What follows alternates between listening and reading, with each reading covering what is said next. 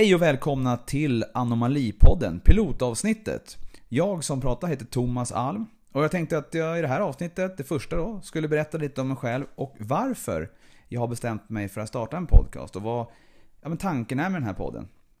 Jag eh, föddes 4 september 1976 på Södersjukhuset i Stockholm. Och jag har också bott i Stockholm eh, i hela mitt liv mer eller mindre, förutom några år då jag gick på college i USA. Eh, trots detta så har jag då blivit en väldigt hängiven MFF-supporter. Eh, som min pappas sida av släkten är från Malmö och vi åkte ner varje sommar och tittade på Di Bloe och det var alltid solsken och vi åkte till Tivoli, i Köpenhamn och i samband med det och allting och det var en bra häftig supporterkultur och det var coolt att gå genom Pildammsparken till matcherna och det blev, ja men pappa gjorde en riktig Goebbels där och fick mig Eh, att bli MFF-supporter. Eh, och jag skulle säga att Malmö FF är då, förutom de adepter som jag coachar själv inom olika eh, ja, idrotter, så är det Malmö det enda jag följer slaviskt eh, när det gäller sport. Jag försöker se alla deras matcher. Men just nu då så, jag jobbar mest som tenniscoach. Men jag är också löpcoach och personlig tränare. Jag är utbildade mig till tennistränare inom Svenska Tennisförbundet eh, för en massa år sedan. Och eh, jag eh, gick för några år sedan då, eller ett tag sedan nu faktiskt, så utbildade jag mig till personlig tränare genom The Academy i Stockholm.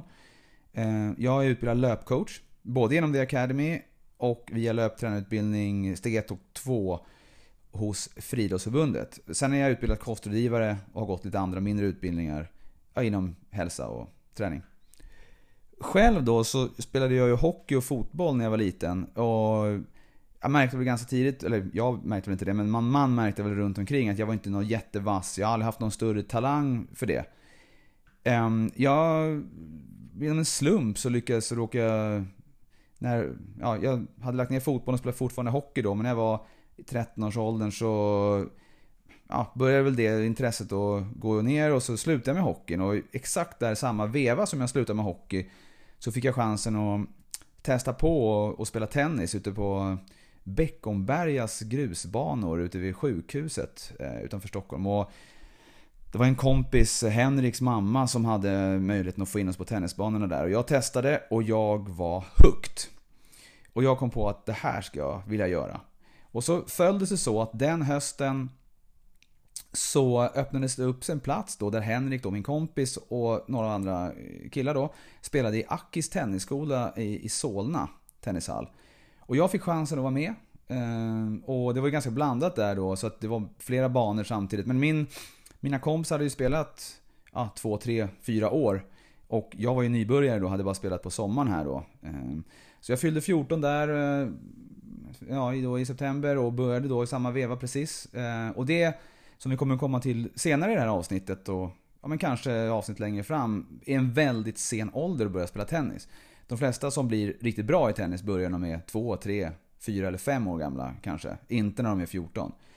Men då, jag kom dit i Solna och jag insåg väl ganska fort att, jag låg ju efter, men att tennis, det var faktiskt hennes mamma som sa att tennis är en sport man kan bli väldigt mycket bättre på genom att stå och nöta. Eh, och jag tror inte hon visste hur rätt hon hade, men jag, jag tog det där Ja men jag tog det där till mig och jag gick ner liksom varje dag efter skolan och även så skolkade jag ganska mycket och bara stod och nötte tennislag mot ett plank. För jag fick ju bara spela en timme i veckan då i Solna, det fanns ingen plats.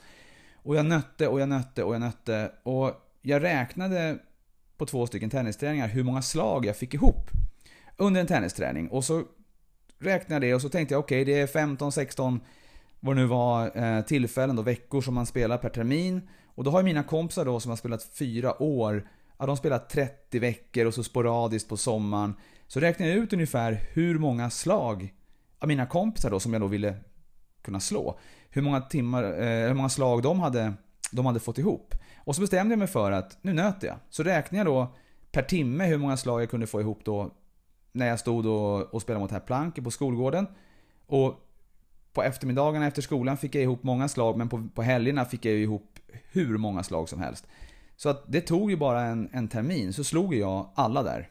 Eh, mina kompisar, alla i den där gruppen. Jag var helt enkelt bäst. Och sen bytte jag klubb och sen så fortsatte jag och, och jag kom eh, in till tennisstadion i, ja, vid Östhamns IP och spelade där och sen så var jag på Ekerö en vända innan jag då, också av en slump, började i eh, då Äppelviken Smedslättens tennisklubb eh, i Smedslätten i Bromma. En klubb som numera heter Smedslättens eh, LTK. Och jag... Jag började spela där och eh, tyckte det var hur kul som helst och så redan när jag var då ja, 16 och ett halvt tror jag var. Då började jag ju jobba lite grann extra, hoppa in som tennistränare. Eh, och sen, jag fortsatte, jag tävlade, jag jobbade extra som tennistränare. Och sen då när jag gick ut gymnasiet så började jag inse att man kunde gå på college i USA. För universitet, i USA har de ju idrotter på alla universitet i stort sett. Och om du är duktig nog så kan du få ett stipendie. Så att du spelar tennis eller ja, den idrotten du då håller på med och representerar skolans lag. Och så får du då ett, ja, ett stipendie. Och jag började ju grotta i det där då. Tyvärr hade jag ju hört det där lite för sent och då var ju inte internet eh, någonting eh, på den tiden. Så att då var det ju lite svårt att hitta information och sådär. Och jag hade inte direkt kollat eh, förrän i sista, sista sekunden. Eh, inte planerat så bra. Också någonting som kommer säkert framgå ja, i kommande avsnitt av Anomalipodden. Eh, för det är lite grann en röd linje för mig att jag bara kör. Men det visade sig då att jag var lite för sent ute då för att börja spela, ja, gå på college direkt då ja, hösten efter att jag slutade skolan. Men det visade sig så då att det föll sig så att jag hade tur igen att den ja, heltidsanställde tredje tränaren så att säga, det var ja, i min klubb då i Smedslätten. Han slutade. Och helt plötsligt behövde de en tränare, så jag fick jobb och började jobba. Jag hade 38 eller 39 timmar i veckan som jag stod som tennistränare på banan, vilket alla som är tennistränare vet är väldigt mycket eh, att rent stå som tränare då. Men jag körde på, jag tränade själv och efter ett år som tennistränare då, så nästa höst, då kom jag iväg på college till Kansas. Tyvärr då så var jag inte tillräckligt bra då för att få ett fullt stipendium för tennisen. Så jag spelade fotboll också. Alltså vanlig socker, våran europeiska fotboll. För att dryga ut. Och det blev ju väldigt, väldigt jobbigt. Så att efter ett år där så var jag ju mer eller mindre helt eh, utsliten. Och eh, åkte hem. Och, och ja, slickade såren eller på att säga. Och jobbade som tränare igen. För då var det samma visa då att de behövde en tredje tränare. Så jag jobbade igen ett år och sen åkte jag iväg ett andra år på college då. Till Arkansas. Eh, en bit från Little Rock eh, låg skolan och där fick jag ju full stipendium så det var ju jättebra. Men min tanke var ju egentligen aldrig att plugga särskilt mycket. Jag har aldrig varit så mycket för det akademiska utan jag ville ju bli tennisproffs. Men där och då så insåg jag ju att det blir jag ju inte. Det är ju kört. Eh, ju mer internet kom och man började se liksom att man låg ganska långt efter och jag hade inte pengarna, det fanns inga tävlingar direkt på den tiden. Så, så jag la ner eh, det. Och det gjorde jag därför att efter det här och andra året, på slutet av det andra året rättare sagt, av college, då ringde min eh, ja, gamla tränare då från Smedslätten, Niklas, och frågade mig om jag ville, ja, vill du bli headcoach, chefstränare då, i Smedslätten? För att den andra tränaren slutade då. Eh, och han var då klubbchef och han anställde mig som chefstränare. Och jag började där på en provanställning. Och sen fortsatte jag då. Det här var ju i april 1999. Sen så jobbade jag faktiskt i Smedslätten till 2005. Och hösten 2005 då blev jag chefstränare istället ute i Bålsta Tennisklubb och tog över där. Och där jobbade jag från 2005 den hösten till hösten 2016. Och 2016 då hade jag några år haft en, en duktig tennisspelare som jag hade tränat som heter Jeppe Johansson Holm. Som kommer från Västerås. Och eh, han och jag eh, bestämde oss för att nej, men nu skulle han få chansen att satsa lite mer på heltid. Så att jag började ja, men köra helt enkelt bara med Jeppe då. Så jag slutade i Bålsta och han och jag har varit runt. Vi har varit mycket, bott mycket i Spanien men vi har också varit runt på tennistävlingar över hela Europa. Vi har varit också, ja men vi har varit, eh, ja på många olika ställen eh, runt om i världen och han satsar. Och jag har tränat, förutom då Jeppe Johansson Holm, så har jag även sista tiden har jag haft, eh, fått chansen att jobba med en tjej som heter Julia Kranovic. Och eh, ja, det är tennisen jag håller på med då just nu. Men då, de, de flesta känner ju mig lite grann som, ja, men som löpare och löpcoach och personlig tränare. För det har jag också hållit på med. Eh, jobbat lite grann i min egen firma då innan jag åkte iväg, eller ja, innan jag slutade i Bålsta. Och det var anledningen till att jag började med löpningen. Eh, det var att 2010 så den 28 april klockan 23.58 på kvällen. Då ringde min eh, mammas man Och från sjukhuset, lasarettet i Nyköping och sa att nu har din mor somnat in. Mamma hade lungcancer och hade kämpat mot det men hon gick bort då 23.58 28 april eh, 2010 och jag kommer ihåg jag satt då i eh, tennishallen den första maj där, lördagen, några dagar senare. Och ja, men var lite sådär borta. Jag hade inte, det var precis innan då Jeppe kom till tennisklubben. Jag hade ingen jättebra spelare att lägga ner mycket tid på. Som jag hade haft innan, åren innan. Och mamma hade dött och mamma var ju en lite galen, härlig, liksom eh, del, ja, en viktig del av mitt liv givetvis. Och jag, jag kände mig tom. Och då gick jag för första gången ut och sprang längre än en mil. Jag hade sprungit milen en gång tidigare eh, i mitt liv då med tennisjuniorer och då var jag sliten. Men nu då bestämde jag mig för att, ja, men för att döva den här äh, smärtan eller, eller tomheten så gick jag ut och så sprang jag 5 km till Vibyspåret i Bålsta och där sprang jag 5,4 km slingan och så 5 km tillbaka.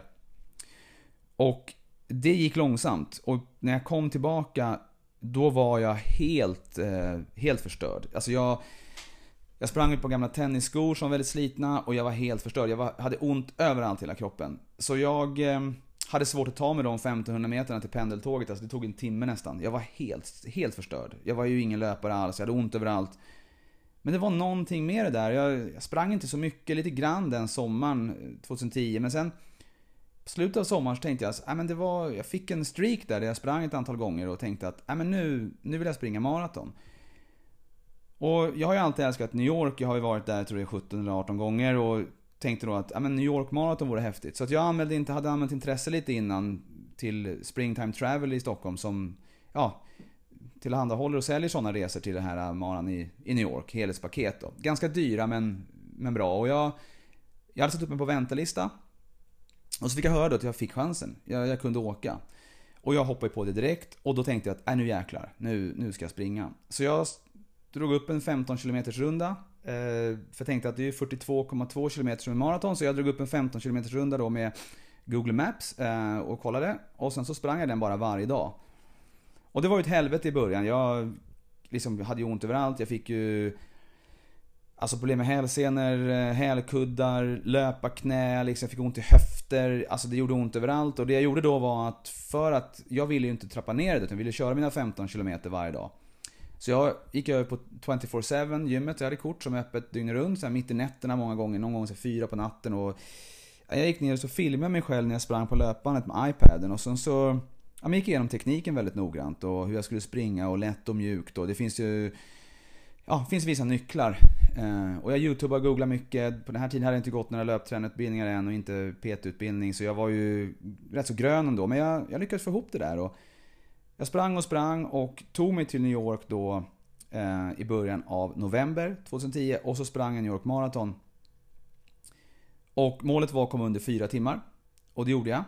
Och efter maran så kunde jag knappt gå. Eh, jag kommer att satt på en buss då för Springtime hade en resa upp också till Vita huset och NASA och, och Arlington Cemetery och sådana saker. Så ja, det ingick. Så dagen efter skulle jag sitta och åka med en buss upp, eh, eller ner.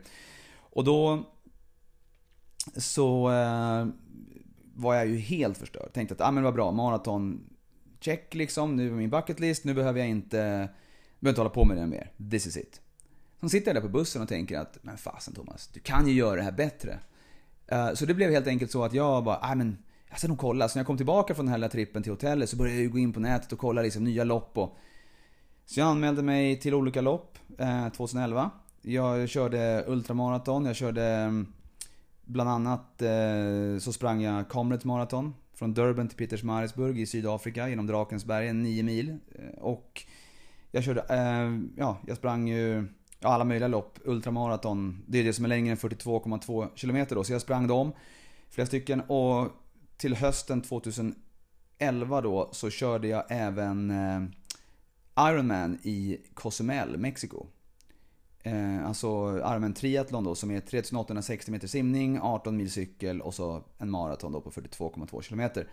Jag åkte till, till Mexiko just för att jag gillar inte kallt vatten så Kalmar var ju out of the question. Sen fortsatte jag springa mycket och jag körde på och det gick bättre och bättre och 2014 så vann jag faktiskt Sveriges kanske tuffaste lopp, eh, terränglopp nere i Skåne som heter Transcania. Och det, det loppet går då från Långa bryggan i Bjärred de man börjar längst ut och så springer man in till land då, och sen över hela, hela Sverige, över till östkusten. Nudda vattnet och sen tillbaka då in till Lund. Det är ett 246 km långt terränglopp. Väldigt tufft. Och jag vann det på 40 timmar och 32 minuter. Och jag fortsatte, det var ju då augusti 2014 och sen 2015 så ja, så anmälde jag mig till ett lopp eh, som heter Wall State som går genom Tennessee eh, i USA. Det var ju 44 grader varmt någonting, 100% luftfuktighet, ingen vind. Det var ju liksom... Och jag gjorde väldigt många misstag i det loppet rent planeringsmässigt. Igen då, inte så mycket planering. Eh, men ändå så lyckades jag komma trots, ja, massa olika... Jag fick ju solsting och jag, jag svimmade, jag spydde, jag hade migrän, allt möjligt hände. Men av 100 anmälda så kom jag på 18 plats totalt.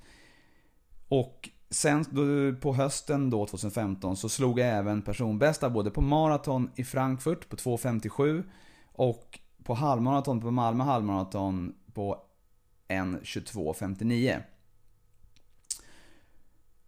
Och då var det en liten brytpunkt för mig 2015. Ska jag fortsätta nu och, och springa massa lopp och försöka göra det bättre, försöka vinna ultramaraton och kanske någon maraton? Eller ska jag, ska jag satsa på att, ja, att göra något annat? Jag har tänkt mycket på det som mamma gick bort i cancer och sådär och jag kanske skulle göra något välgörenhetsprojekt och sådär. Och jag bestämde mig då för att, Nej men jag vill göra något, något stort som är större än, än jag själv då. Och jag, jag startade en insamling hette 40 ät 40 eftersom att 2016 i september skulle jag ju fylla 40 och då tänkte jag att då passar det perfekt att jag gör insamlingen 40 ät 40 och försöker samla in pengar till Cancerfonden genom att springa 40 stycken lopp. Alltså maraton, 42,2 km var ju då det kortaste och det längsta jag sprang var 10 mil. Så jag gjorde det då 2016. Jag avslutade med Honolulu Marathon på Hawaii i december och körde de här loppen och jag fick en bra respons och jag fick eh, lite olika uppdrag inom det här och jag tyckte det var jättehärligt att kunna bidra. Både genom att få in pengar till Cancerfonden men även då att jag, jag kunde liksom...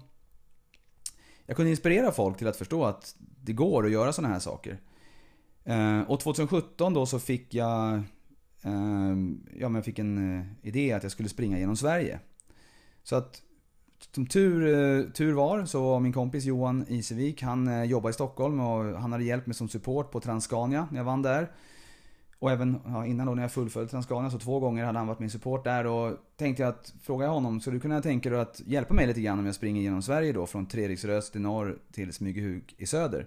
Det kommer ta en, ja men 30, 40, kanske fler dagar. Och då hade jag turen då att Johan, eh, sommaren 2017 då, slutade på sitt jobb i, han jobbar i, han är kiropraktor, han slutade jobba då i Stockholm och skulle flytta till Malmö. Så han hade faktiskt möjlighet. Så Johan var underbar som han är så var han schysst nog att han, jag hade den turen han kunde hjälpa mig. Så att slutet av maj så åkte vi upp eh, till Treriksröset och jag sprang neråt mot eh, Smygehuk. Eh, I snitt blev det 52 km om dagen i 40 dagar. Eh, och så kom jag fram då till, eh, till Smygehuk och det var ju en jättehäftig upplevelse givetvis och då samlade vi in pengar till Ung Cancer eh, för det projektet. Sen har jag ju inte varit i Sverige så mycket ändå och 2018 har det varit mycket med tennisen även nu 2019, även om jag redan idag, till dagens datum nu så har jag hunnit med att springa sex maraton i år. Det sista var på Long Island i maj eh, utanför New York, eller ja, i New York. Så att så har det sett ut då. Jag springer fortfarande väldigt mycket. Jag har nya projekt i pipelinen och kommer ju med all säkerhet ta upp dem här i podden i kommande avsnitt. Men tanken då med den här podden är att jag har alltid liksom gått min egen väg. Jag har inte velat leva det här typiska svennelivet. Jag har inte förstått varför man ska ha ett förhållande bara för förhållandets skull. Ska jag vara tillsammans med någon och skaffa familj, gärna. Men då vill jag verkligen hitta någon som jag känner är fantastisk och som tycker att jag är fantastisk. Och att vi, ja, att jag känner att this is it. Eh, det får inte finnas någon som helst tvekan. Och jag tycker ju om det som sticker ut. Eh, och jag har alltid stuckit ut. Så därför kallar jag den här podden då för Anomalipodden. Och jag skulle säga att syftet med podden är att jag vill underhålla eh, och eh, jag vill i viss mån dela med mig liksom, eh, inte, det känns ju lite väl självgott att säga att jag vill liksom lära ut och utbilda. Men jag vill dela med mig av, av kunskap om träning och hälsa. alltså så att jag, ja det är mina, mina egna erfarenheter där, om kost och om träning och så och löpning. men sen har jag också då en, en stor del av mitt liv har jag alltid varit diskussioner med, med andra människor. Och jag har märkt att det har varit, blivit en svängning de senare åren. Att det är ju väldigt, väldigt känslostyrt och det kanske inte alls är så, så faktastyrt längre. Och det har jag ju svårt med eh, när det är så. Jag tycker det har gått förlorat här i dagens Sverige. På, på alla plan egentligen och inom alla områden. Så, så är det ju mer eller mindre bara, man spyr ur sig saker och det finns kanske inte alltid någon, det kanske inte alltid är uppbackat. Och jag kommer ju här i podden att ta upp olika ämnen och jag kommer redogöra för min ståndpunkt. Och jag kommer att göra det genom egna erfarenheter, men jag kommer också backa upp det med fakta. Eh, så att om det är så att ni har några frågor eh, eller förslag på ämnen. Eh, eller om ni har någon som tycker, ni tycker jag borde prata med i podden. För det är ju också ett inslag jag har tänkt mig att ha gäster, om det är någon som vill vara med. Så går det jättebra att kontakta mig och antingen kan man mejla mig då på thomasalm hotmail.com Thomas Alm med ett ord, Thomas med TH, Alm, ALM. Eller så bara gå in på www.tomasalm.com och klicka på kontakt där så finns ju alla mina sociala medier, telefonnummer, allting finns där. Så det är bara att höra av sig. Uh, that was it, lite grann om mig och om podden generellt. Uh, jag tänkte att vi även ska ha ett ämne den här veckan. Så det kommer komma här.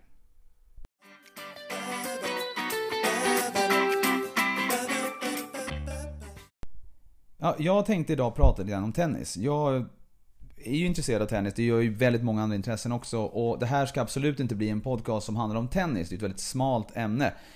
Men jag tänkte ändå att jag skulle ge er en, jag menar, en, en förståelse för varför vi inte är bra i tennis längre. Vi var ju en gång i tiden, liksom på 80-talet och sådär, vi var ju otroligt bra i tennis, Sverige alltså. Eh, vi är ju inte så bra nu. Vi har två, eh, en, eh, två herrspelare som är runt topp 100 och sen har vi ju eh, Rebecca Petersson nu som gör det bra. Men det ser ju inte liksom jättebra ut på den absoluta världselitfronten. Vi har ju tagit massor av Grand Slam-titlar förut. Björn Borg liksom var ju en ikon och är fortfarande. Och Edberg och Wilander. Vi har haft världsettor. Vi har haft massor av spelare topp 10, topp 20 i världen. Och det är klart, konkurrensen är ju mycket tuffare nu 2019 än vad den var liksom 1989 eller så. Men det finns ju också flera anledningar som gör att vi inte är så bra som vi skulle kunna vara. Och jag tänkte jag skulle försöka leda i bevis varför det är så, vad jag tror och, och ja, men vad jag har för belägg för att, ja, mina tankar. För att det är ju nämligen så att vi, jag gjorde ett test, vi har en, en grupp eh, på, på Messenger. Där det är ett antal, jag ska inte säga namn i någon, men det är ju ett gäng där, vi är väl en 7, 8, 9 stycken. Och då tänkte jag skulle göra ett test. Jag, det här är ändå killar liksom eh, allihop och de, många av de här killarna de var ju sådana som, ja men när de var yngre då, som jobbade i någon butik eller jobbade, hade något, något jobb i början då efter skolan och, och slutade det jobbet på sommaren om det var ett stort mästerskap. Antingen om det var OS eller om det var ja, men VM i fotboll eller EM i fotboll eller liknande. Så det är ju jätteidrottsintresserade killar. Och då frågade jag dem, det här var ett tag sedan nu, vilka, om de vet vilka som är de bästa herr och damspelarna som Sverige har i tennis. För det tycker man ju då att de är ju så himla intresserade. Jag vet att flera av dem har ju förr om åren varit på Stockholm Open och tittat och Swedish Open i Båstad och, och sådär. Och eh, det var ingen som visste. De kunde inte säga något namn. Elias Ymer, Mikael Ymer, våra två bästa herrar och då var det Johanna Larsson som var vår bästa damspelare. Den enda som kunde det här, det var min pappa för att han hade läst i Mitt i-tidningen i Bromma om Bröderna Ymer, för de spelar ju för Salk som ligger i, i Alvik i Bromma. Så då hade det kommit upp där och då kunde han Ja, det är de här Ymerbröderna var så han lite stolt då. Eh, han kunde väl inte förnamnen men han kände igen bröderna Ymer för att han hade sett det i lokaltidningen. Och så var det en kille som hade läst någonstans att Johanna Larsson gick ut eh, med att hon var homosexuell. Och det är ju inte riktigt de sakerna vi vill, jag menar, som man kanske vill att svensk tennis ska vara känd för. De hade ju alltså ingen aning rent sportsligt vilka de här personerna var. Och det är förståeligt, det är mediebrus idag och eh, man tjänar inte extrema pengar och blir inte en extrem stjärna i tennis om man inte ligger väldigt, väldigt högt eh, på rankingen. Så är det. det. det. går liksom inte att göra någonting åt. Eh, men hur ska vi då göra för att komma upp? Och just nu kan man väl säga att vi är ju kända för lite mer tveksamma saker. Det har varit lite konstiga tjafs i, i tidningarna och lite konstiga artiklar. Så jag tänkte jag skulle jag skulle berätta lite, få höra lite grann hur det ligger till just nu och vad, som, vad det skrivs om och hur, ja, vilken nivå det ligger på just nu. Det som jag alltså syns för, eller hörs för oss där i tennisen just nu, det är konstiga utspel och schismer, eller man ska säga, ordbråk och sånt där. Det kommer upp i tidningarna och det är klart, eh, och snyfthistorier givetvis. Och det är klart att Expressen, Getingen då och eh, Aftonbladet så det är, det, de, det är den journalistiken de håller på med. Det ska klick, man vill ha klick och man vill eh, kabla ut snyfthistorier. Men jag tänkte jag skulle dra några exempel på vad som, ja men hur vi syns idag. Det ena då bland annat är när, det här är ju ett tag sedan nu, men bara för att ni ska få en, en ja men ett, ett hum om hur det ligger till. När eh, damernas VTA-tävling i Båstad, det går ju Swedish Open i Båstad, det är en klassisk känd tävling med Tennisveckan. Och då låg det ju då en VTA-tävling, alltså ATP är ju herrarnas nivå, eh, Association of Tennis Professionals. Och sen så har du Women's Tennis Association för damerna då, så ATP och VTA. Och damerna hade en VTA-tävling som låg i anslutning till herrtävlingen, alltså ATP-tävlingen. Till och med 2017. Sen 2018 så lades den ner, damtävlingen, och eh, herrtävlingen blev kvar. Eh, och helt klart då på grund av att det var inte tillräckligt mycket intresse så det gick inte att få sponsorer. Inga konstigheter, det är det som händer. Eh, och ehm, nu har den kommit tillbaka 2019 i en, i en lägre tappning. Det är inte vet jag 100 000 någonting men det är egentligen en nivån under. Man, ja, det, det är en helt klart sämre turnering. Det är inte alls på samma nivå som motsvarande Båstad för herrarna. Och då gick Johanna Larsson ut och sa det att nej, jag tyckte att det här var inte bra. Hon gillade inte det här såklart då, vilket man kan förstå. Men då säger hon, de hade kunnat marknadsföra oss tjejer ännu mer. På här sidan gör man det mycket bättre där man använder bröderna Ymer som affischnamn som inte alls har gjort samma resultat som vi tjejer de senaste åren, säger hon till SVT Sport. Och om man bortser från då att Johanna liksom, jag gillar Johanna, hon är en jätteseriös spelare, jag har följt henne sedan hon var liksom 14. Eh, för jag hade andra spelare då som var runt hennes ålder. Hon är ju en ja, men jättesnäll tjej, men hon är inte rolig att titta på för hon är inte liksom färgstark. Dessvärre. Sen har hon varit jätteduktig, jag vet inte om hon har varit liksom 60-70 i världen kanske, eller, eller bättre. Eh, hon har eh, åkt ner lite grann nu men hon har varit liksom, ja men på topp 100 måste hon ha varit hur många år som helst. Så hon är ju liksom, hon har tjänat mycket pengar, hon har gjort en bra karriär. Men hon är liksom inte så rolig att titta på. Tyvärr är det så. Men då tycker hon då att då kunde marknadsföra oss tjejer ännu mer, för på herrsidan gör man det bättre när man använder bröderna Ymer som affischnamn. Och som sagt, de har inte alls gjort samma resultat som vi tjejer de senaste åren, säger hon till SVT Sport. Och det är ju inga konstigheter. De har ju gjort sämre resultat. Alltså Johanna, hon rankade 70 och nu är det ju Rebecca Petersson som har slagit två topp 20-spelare här nu senaste veckorna. Eh, som är ju ännu bättre. Och nu är det hon som är den solklara Sverigeettan i tennis på damsidan nu. Men då var det Johanna och Johanna låg ju högre och de gick ju längre i tävlingar och, och, det är klart att där har hon ju rätt. Det är liksom inga konstigheter om att de låg före. Men det tyckte ju eh, Elias Ymer. Som gick in på sin Insta-story och svarade Johanna. Och det här kom då upp i Aftonbladet. Där de skriver Eh, då en rubrik som heter “Trodde du var bättre än dina kommentarer”. Nu har Larssons ord lett till reaktioner från svenske tennisettan Elias Ymer 22. På sin Instagram-story har Ymer, rankad 135 i världen, gjort ett inlägg riktat som kritik mot Johanna Larsson. Och då går det att läsa i sin helhet det inlägget som han gjorde Elias Ymer på sin Insta-story. Där det står Hej Johanna! Sverige är vårt land och allt som skulle vara till fördel för landet skulle ha både min och Mikaels fulla support. Jag tycker som dig att det är synd att kvinnorna Swedish Open har tagits bort och att det skulle hjälpa unga tjejer att ha någon att stå upp till Se upp till, som dig själv och Sofie Arvidsson till exempel. Jag hoppas att det en dag kommer tillbaka, skriver Ymer och fortsätter. Och nu kommer det bästa. PS. Jag trodde du var bättre än dina kommentarer som du gjorde mot mig och min bror. Innan han avslutar inlägget med Hashtag Stay classy. Okej, okay.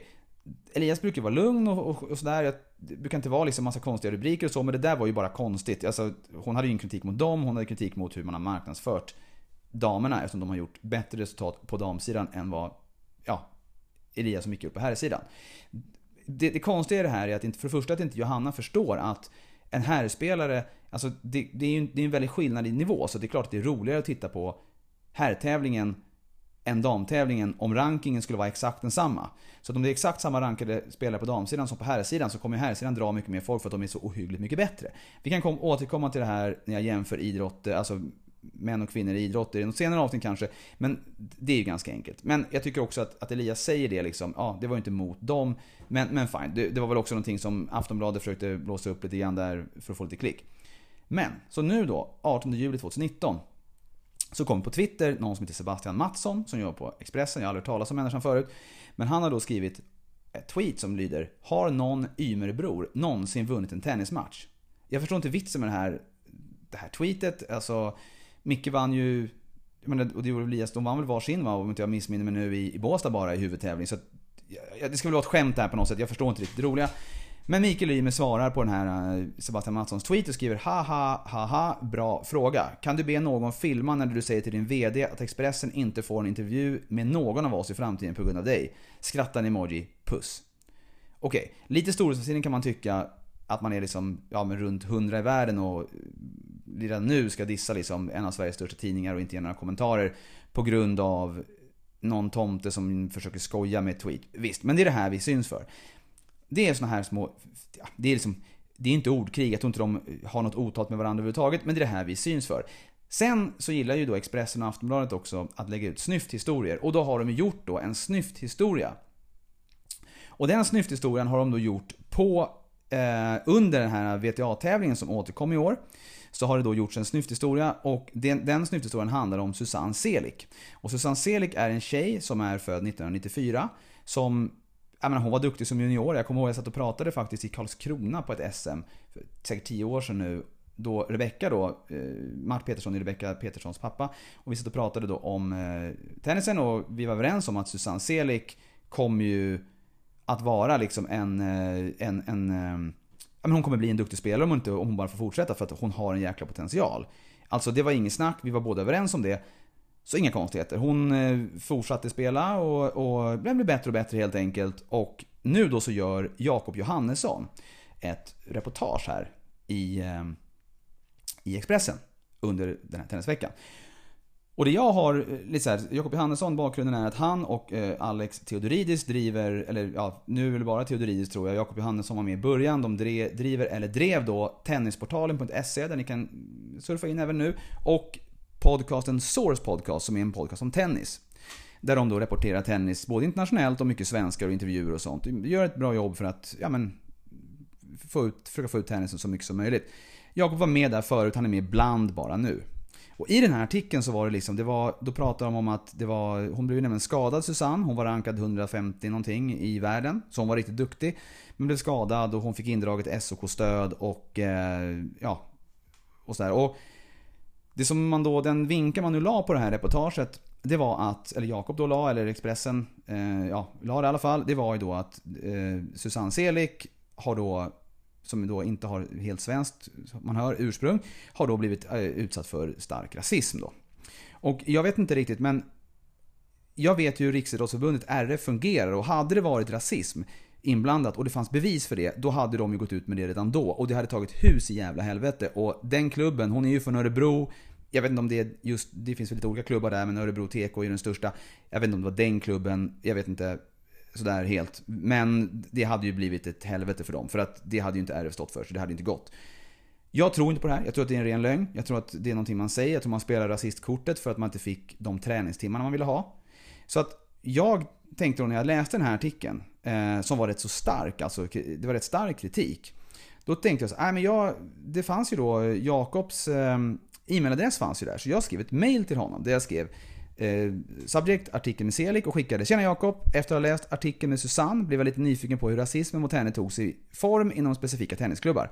Jag förstår att du har ett begränsat antal tecken att skriva i en artikel i Getingen och du har kanske även någon som klipper och klistrar så det kanske var därför det inte framgick. Men med så pass starka anklagelser har Susanne säkert berättat för dig hur rasismen tog sin form.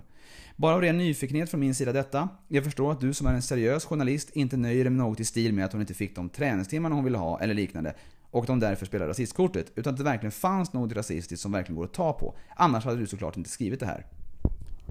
Eh, stort fan av det jobb du gör med Tennisportalen och podden förresten. Det behövs. Ha det bra. Bästa hälsningar Thomas Alm. Okej. Okay. Jag vet inte om det var på grund av mig eller på grund av något annat, men senare så har ju då den här artikeln redigerats. Jag fick inget svar från Jakob Johannesson, men jag fick i alla fall och det har redigerats. Eh, och nu gjorde jag en skärmdumpning, eh, en screenshot från Facebook, Sportexpressen på Facebook, 12 juli klockan 07.39 står den här då. Och då i, i eh, överskriften så står det Susanne Selik, jag visste inte att det berodde på mitt efternamn och min hudfärg. Och det här har ju då förändrats nu. Så att nu står det inte så längre.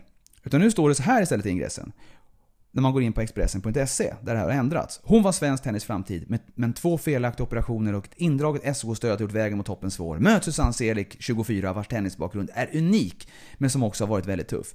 Jag minns att jag grät och frågade mamma varför jag inte fick träna. Då visste inte jag att det berodde på mitt efternamn och hur jag såg ut, säger Selik. Förr så stod det då, jag minns att jag grät och frågade mamma varför jag inte fick träna. Då visste jag inte att det berodde på mitt efternamn och min hudfärg.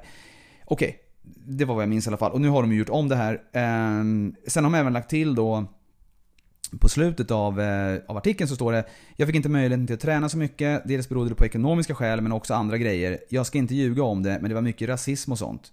Det fanns ingen anledning till varför jag inte skulle vara med och träna när mina föräldrar betalade lika mycket som de andra. Men man såg inte ut som alla andra och man hette inte som alla andra. Celik säger att hon idag, även om hon inte förstod det som barn, tror att hon nekades träningen på grund av rasism. Hon har spelat för flera klubbar och berättar om en händelse som ledde till ett byte.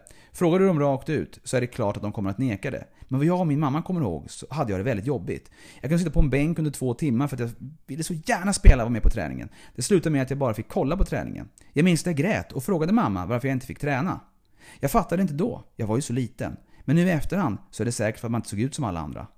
Ser, och så har de lagt till det här för att det ska vara lite fint nu. Serik har idag en bra relation till klubben som hon kände sig dåligt behandlad av under början av 2000-talet. Det var väldigt jobbigt, men samtidigt kan jag inte hänga ut den klubben för att, de, för att det de har gjort för mig idag, det är otroligt. De tar hand om mig väldigt bra. När jag åker hem till Örebro idag och besöker hallen så blir jag väldigt välkomnad. De har en så fantastiskt fin klubb där nu. Den har utvecklats och förändrats jättemycket. Okej, det här är ju givetvis, alltså jag vet inte vad man ska säga, det är typiskt eh, de här men vänsterblaskornas eh, tycka synd om reportage. De gör sånt hela tiden. Det är inga konstigheter, det har de väl alltid gjort och kommer väl alltid göra, dessvärre. Men det man glömmer att säga är att Susanne sedermera, jag, jag vet inte exakt om det var när hon gick i sjuan, åttan eller nian, som hon åkte upp till Kramfors och fick bo på hotell och det var liksom, eh, de tog hand om henne på tennisgymnasiet, hon fick ju allt. Sen åkte hon ner efter Kramfors till Kungliga Tennisklubben i Stockholm. Men det funkade inte där, så hon gick till Salk och det funkade inte riktigt det upplägg hon hade där. Så att Cedric är som de flesta, och inte nödvändigtvis något ont om det. Men det är en individuell idrott och det är bara så att man måste försöka vara om sig och kring sig. Och då funkar man inte överallt. Men att spela rasistkortet tycker jag är lite drygt. Eh, speciellt, I alla fall då när det inte finns några bevis. Finns det bevis? Ja visst, då skulle jag stå där också. Då skulle jag stå där och, och och kämpa mot det. Men finns det inga bevis, då tycker inte jag att man ska köra det i en så pass stor tidning som Expressen ändå är.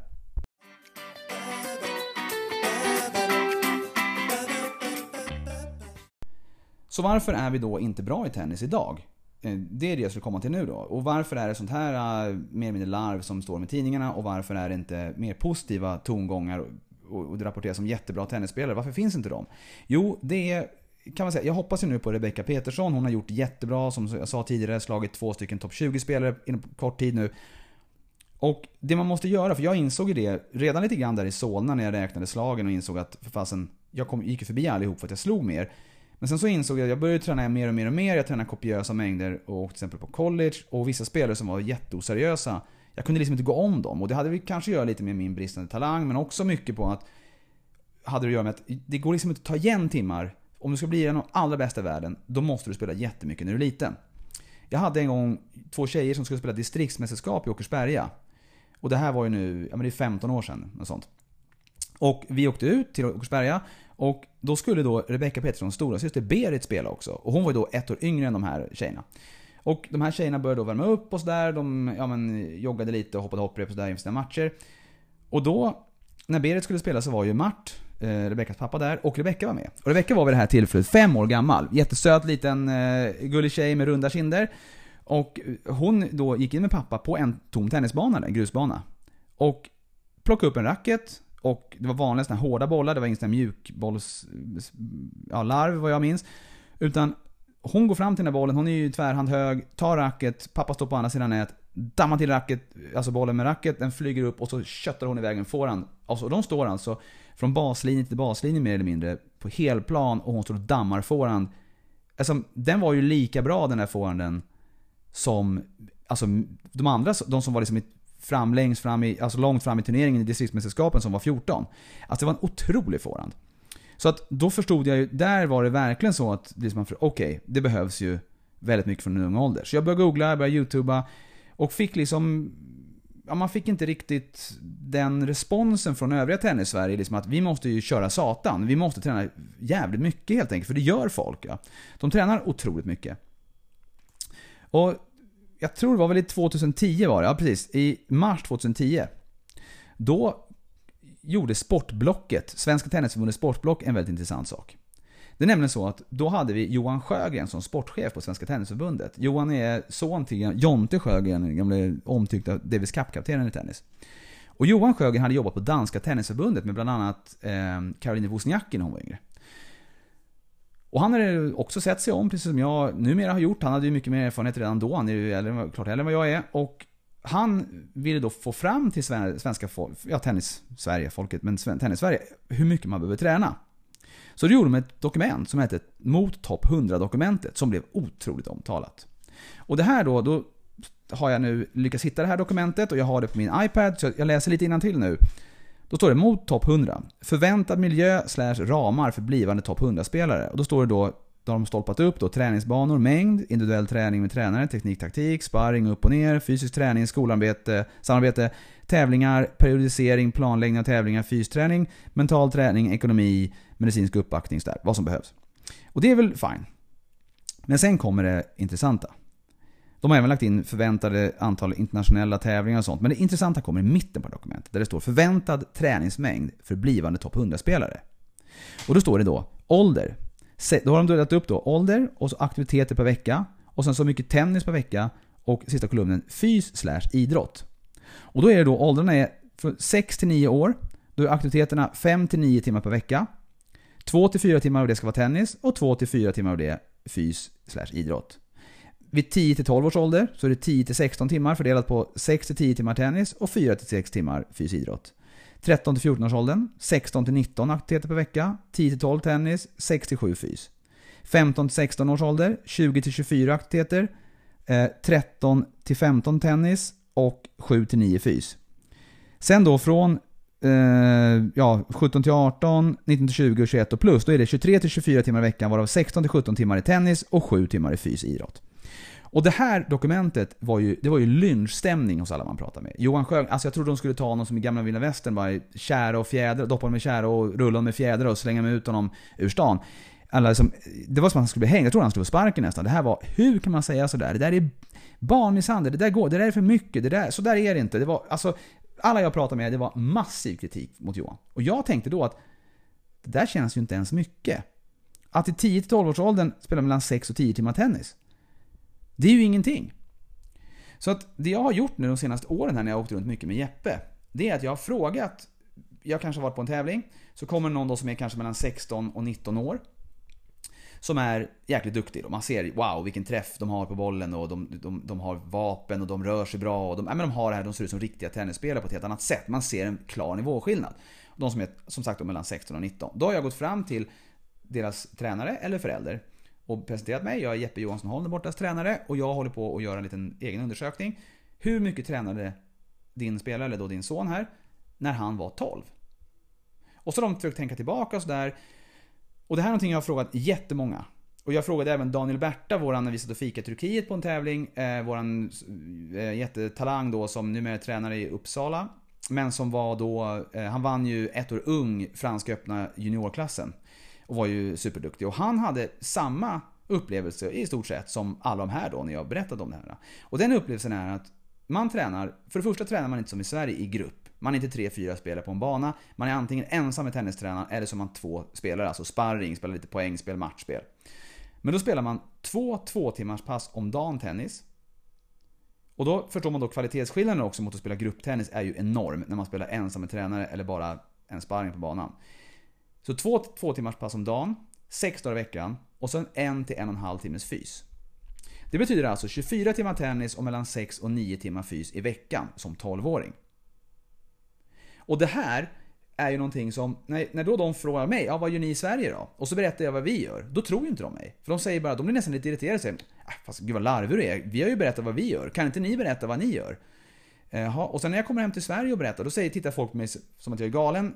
Många och bara liksom, nej men det där stämmer ju inte, den där jävla Almhan, det ljuger bara, så där kan det inte vara.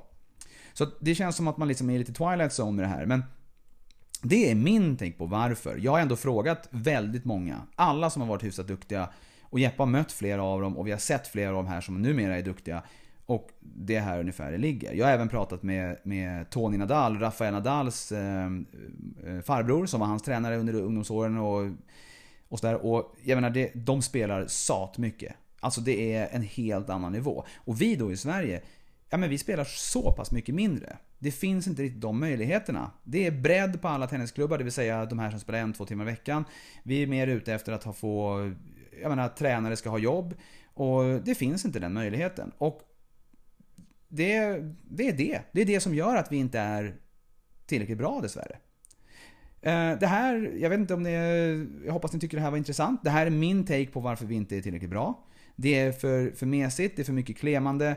Och det gör att det är våra då tennisproffs nu för tiden, de här som är, ja men runt i Jeppes ålder, så här, många av dem. De är ju liksom inte tennis, de säger att ja, jag är heltidstennisspelare, vilket då egentligen innebär att jag spelar lite tennis, men jag pluggar inte och jag jobbar inte, utan det är någon som betalar åt mig. Det är det vad det betyder att vara tennisproffs. Eh, sen har vi några duktiga, helt klart. Men det är också mycket åka runt och ha lite kul. Vilket inte behöver vara något fel med det. Men det här är anledningen till att vi inte är bra i tennis. Att vi har tre stycken bra tennisspelare just nu och några som är up and coming. Det är ju för att de har kört med sina föräldrar. Mikael och Elias Ymer är jätteduktiga och på väg uppåt och de spelade jättemycket med sin pappa. Skara var det var, de, han gav dem förutsättningar för att han satsade stenhårt och, och gjorde allt för dem. Och Rebecca hade ju sin pappa och säkert folk runt omkring sig som gjorde allt för henne. Eh, och verkligen började spela mycket när hon, var, när hon var väldigt liten. Och det är det vi måste göra och jag tänker att Förr i tiden var det ju inte så att det var inte så att Svenska Tennisförbundet såg till, eller några klubbar såg till att Björn Borg, eller Stefan Edberg, eller Mats Wilander eller alla de här spelarna som kom senare blev tennisstjärnor. Utan det var ju de själva och folk runt omkring dem. Men det jag tycker att Svenska Tennisförbundet borde göra och klubbarna borde göra är att ge möjligheten och förutsättningar till de som har barn och där föräldrarna vill och har möjlighet till att, att satsa och köra. Det är så vi får fram nya tennisspelare och det är det som behövs.